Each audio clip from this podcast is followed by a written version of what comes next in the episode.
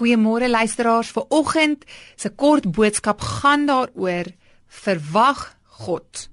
Soms in ons lewens is dit besig en partykeer kan God onverwags opdaag.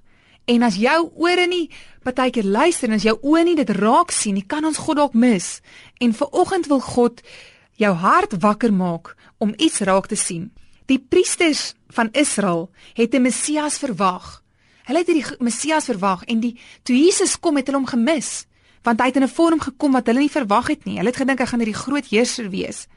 Dieselfde met die Fariseërs.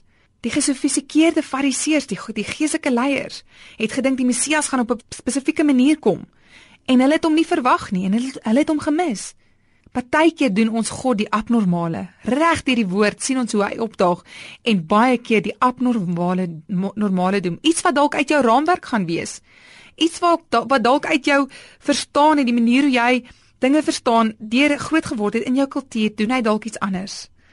En ek wil vanoggend vir jou sê, God wil jou vanoggend ontmoet waar jy ook al is. Het jy in die kar ry, ergens op die pad is, het jy by jou werk is, dalk vanoggend opstaan uit die bed uit, jy moet nog ontbyt eet. God wil jou ontmoet. So maak jou oë oop en sien hom vandag ergens ergens vandag wil hy wil hy jou ontmoet. Jy moet dit net raak sien. Esegiel 37 praat God met die profeet. En as jy daai hele gedeelte kan lees, dan sê God vir die profeet, ek lees daar, dit sê mensekind, kan hierdie bene lewendig word? En ek antwoord, die antwoord die profeet, hy sê Here, Here, U weet dit. Daarop sê hy vir my, profeteer oor hierdie bene en sê vir hulle, dorpbene, hoor die woord van die Here. So spreek die Here God tot hierdie bene. Kyk, ek bring gees in julle in sodat julle lewendig kan word. En ek sal seënings om julle lê en vlees oor julle laat opkom en vel oor julle trek en gees in julle gee sodat julle lewendig kan word. En julle sal weet dat ek die Here is. Dalk is daar iets in jou lewe wat droog is, soos droë bene. En God wil hê jy moet sien. God wil hê dit lyk dalk in die natuurlike of jy dit nie kan raak sien nie, maar verwag God.